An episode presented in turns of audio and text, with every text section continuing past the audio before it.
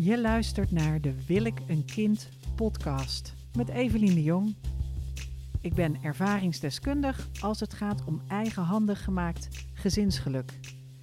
En als cultuurwetenschapper onderzoek ik graag het ideaalplaatje.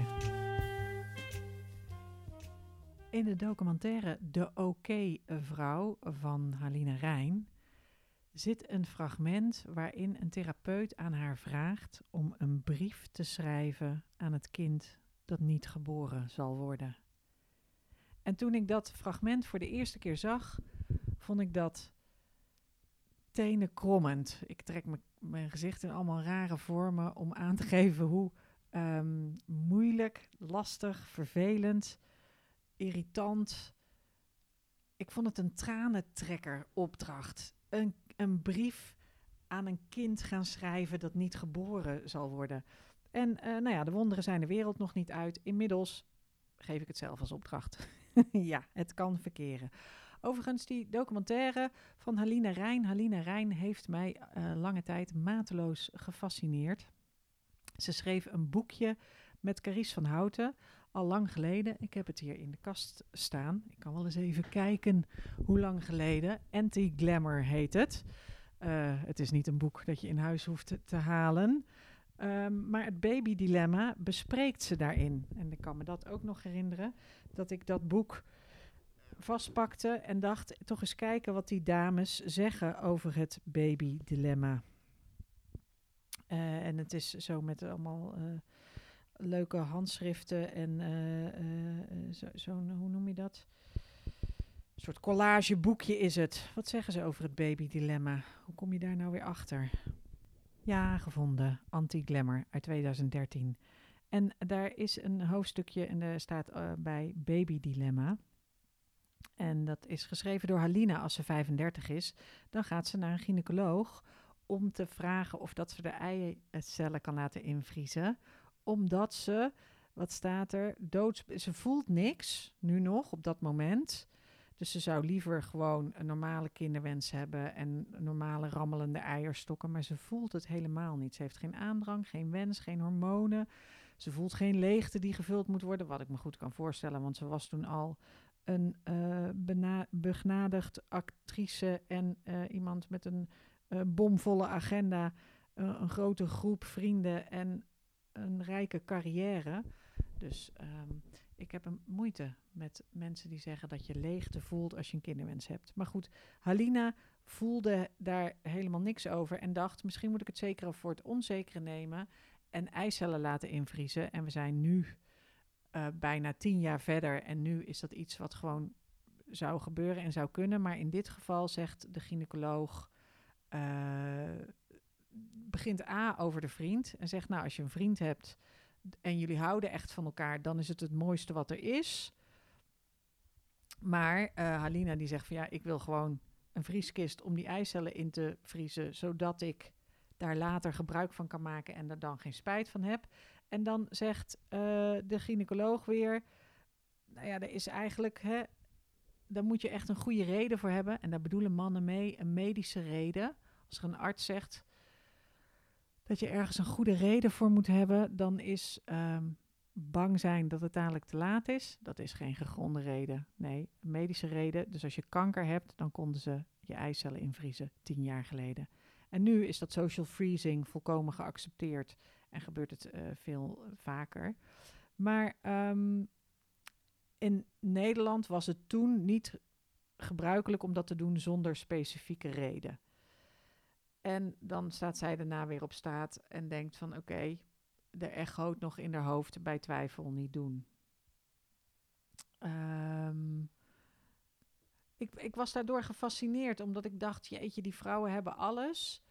En ik voelde me een soort gerustgesteld door het leed van ander. Daar sta ik er niet heel vrij op. Maar um, door te zien dat zij uh, aanvankelijk dus helemaal niet zaten. Ik worstelde toen zelf heel erg met mijn kinderwens en ik was daar enorm mee bezig. En ik dacht al van, moeten zij dat niet ook hebben? Moeten zij niet dezelfde ervaring hebben als ik? Uh, en dat hadden ze ook op een ander, ander niveau ik ben heel graag een beroemde actrice. Maar in die documentaire die ze daarna dus maakte, dus dit is één klein hoofdstukje in een, een boek dat verder gaat over vriendschap en mannen en over acteren en literatuur. Ehm, ik vond die documentaire sowieso heel indrukwekkend. Iedereen sprong daar bovenop, op haar verkondiging dat ze een OK-vrouw is, een ongewenst kinderloze vrouw. Dat schreef ze niet in een Nederlandse krant, maar in een Belgische krant, De Morgen. Maar dat werd in Nederland ook een heel ding. Uh, ze kwam bij Matthijs, programma op tv, hierover vertellen. En um, dat was voor veel mensen een enorme shock. En zij is helemaal niet. Het is nooit haar bedoeling geweest, volgens mij, om de barricades op te klimmen en een boegbeeld te worden van een generatie vrouwen die eigenlijk een soort avant-gardistisch een buffer zijn voor onze samenleving in transitie. Want de samenleving verandert. Er zijn nu eenmaal vrouwen die aan het werk zijn. Je relaties zijn veel dynamischer.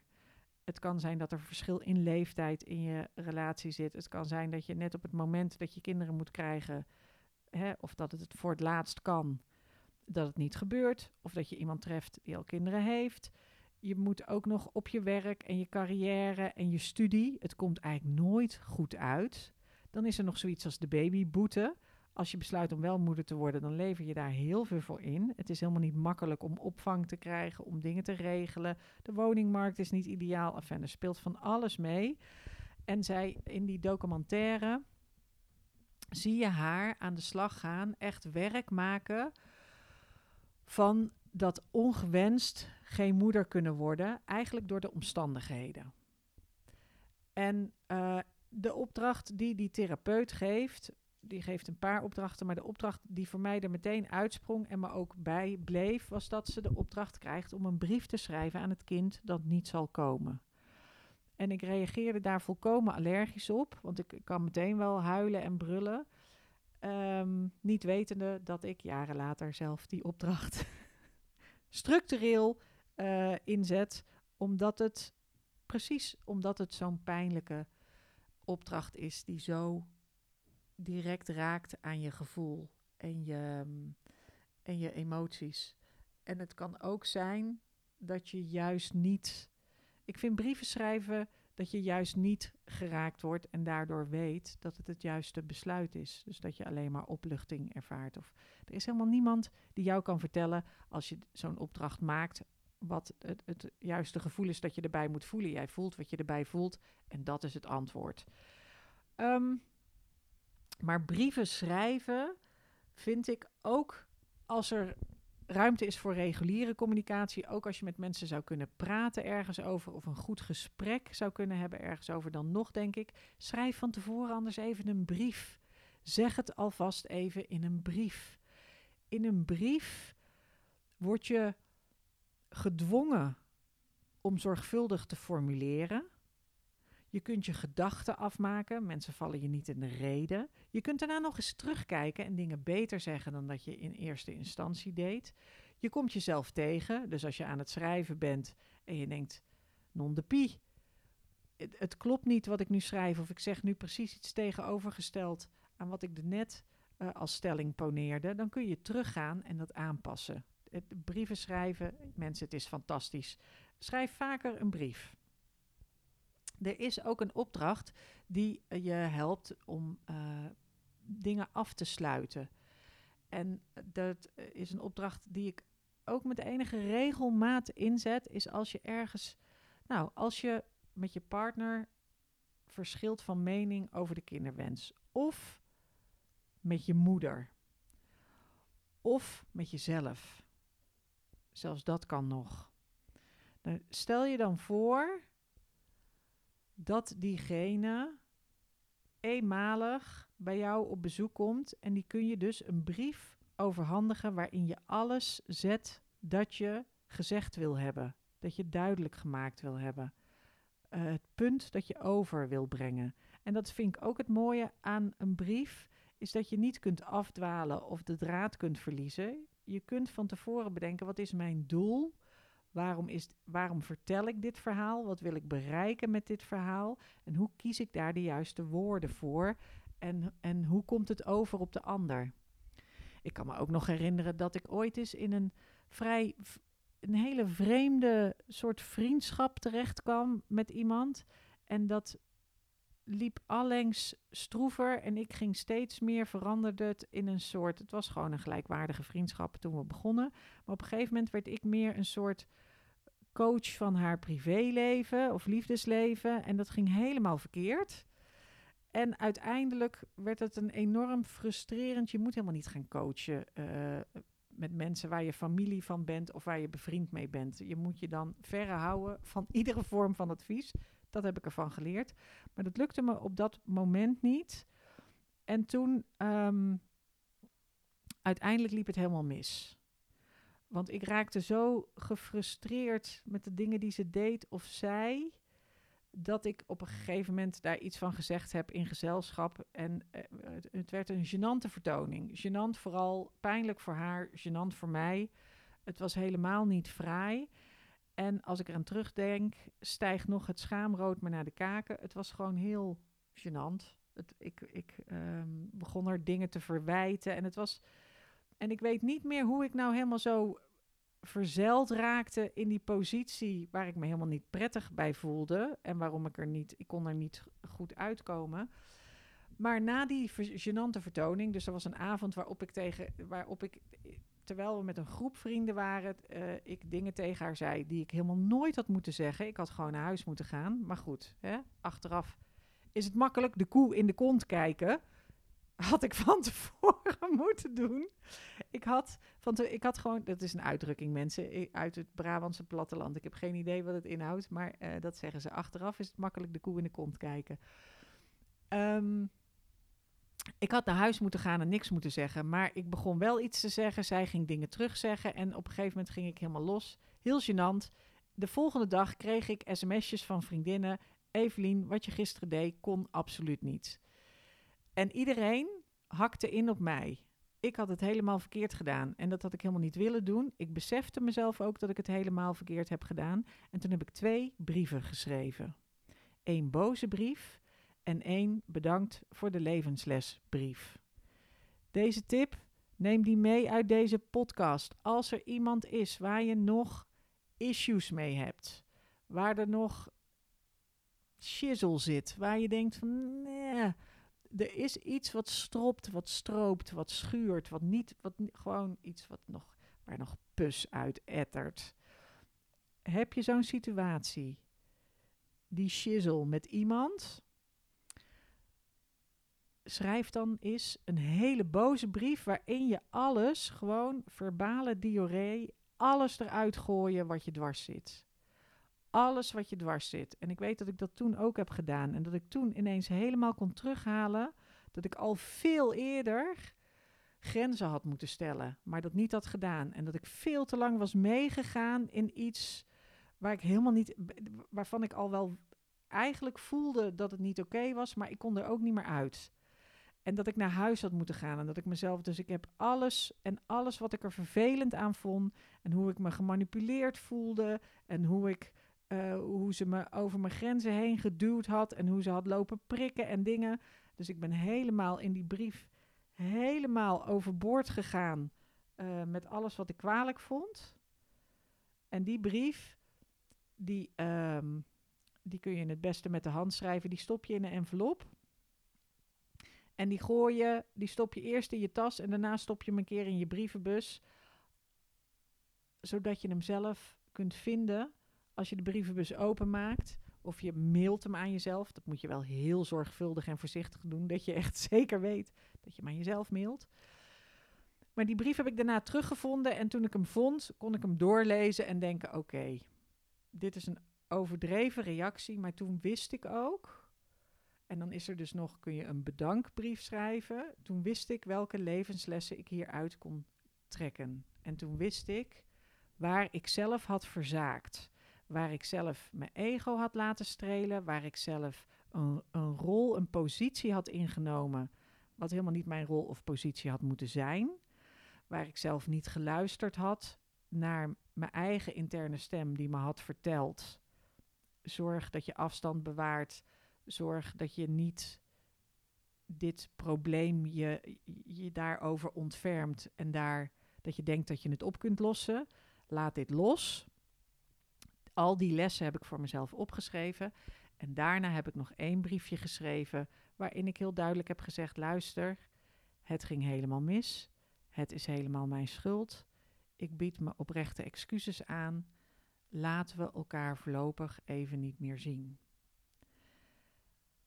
En dat was de enige, de enige oplossing. Dat was de enige oplossing. En, ze, en het schrijven van zo'n brief. Ik vind brieven schrijven misschien wel de beste manier om iets te leren. Er gebeurt iets raars in je hoofd als je schrijft met de hand. Als je schrijft met de hand op papier. Ik heb mezelf ook als kerstcadeau een, uh, een Remarkable gegeven in mijn bedrijf. Een Remarkable is een uh, device waar je op schrijft met een pen alsof het papier is. Het voelt als papier. Het handschrift is heel mooi, gelijkmatig en, uh, en prettig. En dan kun je die dingen aan jezelf mailen. Je kan het ook nog omzetten in tekst. Maar ik, uh, ik schrijf altijd met de hand, omdat ik dan door de woorden op te schrijven een soort van structuur aanbreng in mijn denken. Brieven schrijven, mensen, werkt echt. Het is fantastisch. Ik had er een grote allergie op zitten. Het is een van de meest krachtige instrumenten om in te zetten. Zo'n boze brief, bedankbrief en een heel duidelijke uh, brief. Wat ik ook prettig vind, wat mensen misschien wel eens vergeten, is dat je in zo'n brief ook een heel duidelijke call to action kan zetten. Dat is een instrument uit de marketing, maar dat je heel duidelijk afsluit met wat je wil dat die ander doet naar aanleiding van hetgeen wat jij geschreven hebt. Dus mijn call to action aan de dame met wie ik zo'n, uh, uh, nou ja, met, met, met, wie, met wie ik gebrouilleerd raakte omdat ik heel raar ging doen, was heel duidelijk de call to action. Laten we elkaar met rust laten. Laten we hier verder geen energie in steken, maar laten we afstand nemen en laten we uh, als volwassen mensen met elkaar omgaan. En misschien dat we later, op een later moment in ons leven elkaar weer tegenkomen en dat het dan leuk is. Maar voor nu voel ik me er het beste bij als, als, als, er, uh, als er even niks is. Dat was een hele duidelijke call to action. En zo kun je heel veel verschillende call to actions. Maar als je daarmee afsluit, dan weet degene die de brief ontvangt ook: oké, dit staat mij te doen. En um, nou ja, dan kun je nog zeggen van, hè, uh, ik zou het prettig vinden als je mij um, een reactie kunt geven dat je deze brief hebt ontvangen en dat het oké is zo, bijvoorbeeld. Er is nog, uh, uh, laat ik nog meteen een, een andere, uh, die, zo'n brief schrijven aan een kind dat nog niet geboren is, of aan een kind dat nooit geboren zal worden, is een heel krachtig instrument. En zeker als je daar gewoon een mooie situatie voor creëert, dus dat je een kaarsje aandoet, een lekkere kop thee zet voor jezelf, mooi papier, fijne pen. En dan zo'n brief schrijven kan echt enorme inzichten verschaffen. Um, dit zit ook bijvoorbeeld in Rocking the Life Unexpected. Of in, nou ja, dit is, het is eigenlijk een therapeutisch instrument dat je veel vaker tegenkomt. Uh, het kan zijn dat je nog issues hebt met iemand die er niet meer is met een ex waar je geen contact meer mee hebt, met een vader of moeder die overleden is of uit je leven is verdwenen. En als je, uh, of dat je onterecht behandeld bent door een huisgenoot of door iemand op het werk of door um, nou, iemand in de familie. Als je dan een brief kunt schrijven en jezelf kunt voorstellen, ik krijg nog één ontmoeting met diegene waarmee ik dus issues heb, schrijf dan eerst één brief waarin je alles zegt wat je wil zeggen, gewoon ongecensureerd. Dat je denkt, deze brief moet ik zeker niet verliezen, die moet ik sowieso echt verbranden, zodat niemand hem ooit kan vinden. Want als dit naar buiten komt, dan zijn de rapen gaar. Nou, schrijf zo'n brief, schrijf alles op wat je had willen zeggen of uh, wat je wil overbrengen. En als je vast komt te zitten, herhaal dan het woord, het laatste woord wat je opgeschreven hebt, net zolang totdat je door kan met de rest van je verhaal. En dan kun je daarna nog twee brieven schrijven. Als je dus een brief schrijft waarin je alles van je afschrijft en zodat je het kwijt bent, dan is het heel prettig om die brief op een later moment, niet direct daarna, maar op een later moment, dus gewoon echt een nachtje over slapen en dan die brief weer krijgen of ergens vinden en hem dan rustig lezen. Dat kan zo'n uh, openbaring zijn. Daar kunnen zulke, dan weet je vaak ineens, oh hier zit de pijn, of hier zit het gevoel, of daar zit de, dat is de crux van waar ik mee worstel. Hier zit de knoop. Het geeft je een heel helder zicht. Als, als emoties een wazige kluwen zijn, dan is het schrijven van zo'n brief vaak de, de manier om dat te ontrafelen.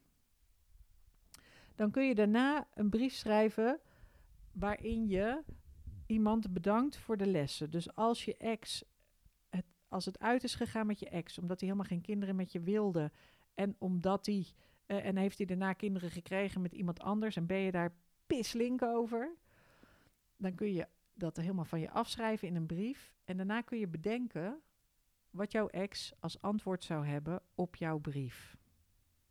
Je kunt jezelf voorstellen wat het antwoord zou, gaan, zou zijn van degene aan wie jij de brief gericht hebt. En dat antwoord kun je ook opschrijven. Dus je kunt jezelf verplaatsen in de ontvanger en een antwoord geven zoals de, zoals de ontvanger, zoals jij denkt, zoals je verwacht dat de ontvanger dat zou doen. Dus in het geval uh, van de dame met wie ik uh, gebrouilleerd raakte, weet ik dat zij uh, zich beschadigd zou voelen, dat ze nou ja, uh, mij afschuwelijk zou vinden, dat ik uh, allerlei dingen, weet ik veel. Ik kan me van alles, ik, kan me van alles voorstellen. Ik heb die brief toen geschreven en daar komt van alles bij kijken. En het is uiteindelijk niet wat, het is niet haar reactie, maar het is hoe ik denk dat zij zal reageren. En dan is er nog een derde brief die je kunt schrijven en dat is de reactie die je het zelf het liefst zou krijgen. En dat dit geldt ook zeker voor exen met wie het uit is. Als je ze eens een beschuldigende brief stuurt en daarna een reactie van die ex waarvan je denkt, zo zou die kunnen reageren. Of hij zou reageren in stilzwijgen. Of hij zou zeggen, moet je hij zou zeggen, ik heb de brief aan mijn vrienden laten zien. Ik heb hem op social media gedeeld. Iedereen vindt je een, uh, een, een slappe zeur. Weet ik, als je een hele nare ex hebt, dan kan dat misschien, weet ik niet. Um, en dan kun je vervolgens een brief schrijven zoals je zou willen dat hij antwoordt. Dus dat, dan kun je gewoon schrijven: Ik weet dat ik je slecht behandeld heb. Ik weet dat ik te ver ben gegaan, dat ik je te lang aan het lijntje heb gehouden. Ik weet dat ik uh, vreemd ben gegaan en tegen je gelogen heb en je kostbare ovulaties uh, heb gekost. Ik ben me daarvan bewust, ik voel me daar ellendig over, ik zal het niet meer doen. Of wat dan ook. Um, dus dat is een derde, een derde brief. En het mooie van deze brieven is dat je dus op die manier uiteindelijk kunt werken met de antwoorden die je nodig hebt, zonder dat je de mensen nodig hebt in de positie waarin jij ze wil hebben. Dus je bent verantwoordelijk jij bent verantwoordelijk voor het antwoord wat je krijgt dan. Je hebt de regie daarover. Terwijl normaal ben je afhankelijk van wat je ex, hoe die reageert en wat die doet. Maar door het schrijven van brieven pak je zelf de regie. Uh, nou, dan zijn er daarna nog uh, allerlei andere oefeningen die je kunt doen met, met die brieven. Hè, dus uh, een methode is om ze even te laten liggen een paar nachtjes over te slapen en daarna hardop voor te lezen. Of hardop voor te lezen voor de spiegel. Om te kijken hoe je fysiek reageert erop. En hoe je reageert op die woorden. En um, je zult zien dat dat allemaal emoties triggert. dus als het moeilijk is om bij je gevoel te komen, brieven schrijven. Brieven schrijven is the way. Nou, waarom uh, moet je die brieven met de hand schrijven en aantekeningen met de hand maken en niet met je laptop en typen, omdat je namelijk net zo snel kunt typen als je denkt. Tenminste, ik typ blind als je dat zelf ook doet. Dus wat er gebeurt met typen is dat je letterlijk de zinnen die je denkt gaat opschrijven. Terwijl met de hand schrijf je langzamer en daarmee dwing je jezelf om op een om je langzame brein te activeren en daarmee rustig de woorden op te schrijven. En kun je niet, dus het vertraagt je denken. Je gaat veel meer dingen samenvatten, dingen. Um, uh, nee, schrijft je, het, het, het zet een ander deel van je hersenen aan het werk dan wanneer je gewoon maar typt wat je in je hoofd aan woorden hoort. Uh, tot slot uh, dacht ik nog even na of dat ik ooit onder de indruk ben geweest van brieven. En toen moest ik ineens denken aan Caitlin Moran, een hele leuke schrijver die heeft geschreven On How to Be a Woman. Ze schrijft over popmuziek, volgens mij voor Rolling Stone magazine. Het is een Engelse dame. En ze heeft dus een postuum advies aan haar dochter geschreven waar ik ontzettend om moest lachen. En uh, het begint van, uh, nou, dear Lizzie, hello, it's mommy, I'm dead, sorry about that. En het gaat over het feit dat, uh, nou ja, hoe het is voor vrouwen om op te groeien nu en hoe het is om je leven te leiden. En het eindigt uiteindelijk met dat, ze, dat je niet moet beginnen met roken. dat dat wel slimmer is. Want Caitlin Moran rookt zelf en die dochter die heeft er al over gezegd, mami hou ermee op, want je gaat er dood aan. Dus het is ook nog eens een mooie vorm, ook voor jezelf, als je jezelf toestemming wil verlenen of je wil voor jezelf iets duidelijk maken, dan schrijf gewoon een heel mooi handgeschreven fijn briefje en hang dat ergens in het zicht. Um, dit was de podcast over brieven schrijven. Ik hoop dat je ermee uh, inspiratie uh, op hebt gedaan dat je wellicht misschien ook ooit die documentaire van Helene Rijn, ik heb daarna nog gekeken of dat ik hem voor jullie kon terugvinden, de documentaire De OK-vrouw. Maar ik kan hem nergens, hij is wel door de BBC gemaakt, maar, uh, uh, of de BBC, de BNN, de VARA, uh, gemaakt. Maar ik kan hem op NPO Start niet vinden en ergens anders eigenlijk ook niet. Um, maar dat je weet dat, dat die volkomen rukopdracht, misschien zomaar out of the blue, is het niet per se iets um, om, om uit jezelf te doen. Maar een brief schrijven aan iemand op wie je boos bent. Of, en daar een bedankbrief van maken. En dan niet bedankt voor alle shit die je me gegeven hebt. Maar bedankt voor de lessen die ik hiervan leerde. Dat zijn echt hele waardevolle, door mij veelvuldig gebruikte instrumenten. Om gedachten op een rijtje te zetten en om jezelf vooruit te helpen. Dus pak allemaal pen en papier of potlood en papier. En uh, veel schrijfplezier. Groetjes. Dankjewel voor het luisteren naar de Wil ik een kind podcast. Vond je dit goed en waardevol? Geef een duimpje omhoog of laat een review achter. Dan kunnen andere mensen deze podcast ook vinden. Wil je mij persoonlijk een vraag stellen of iets laten weten? Je vindt Wil ik een kind op Instagram daar heet ik Wil ik een kind?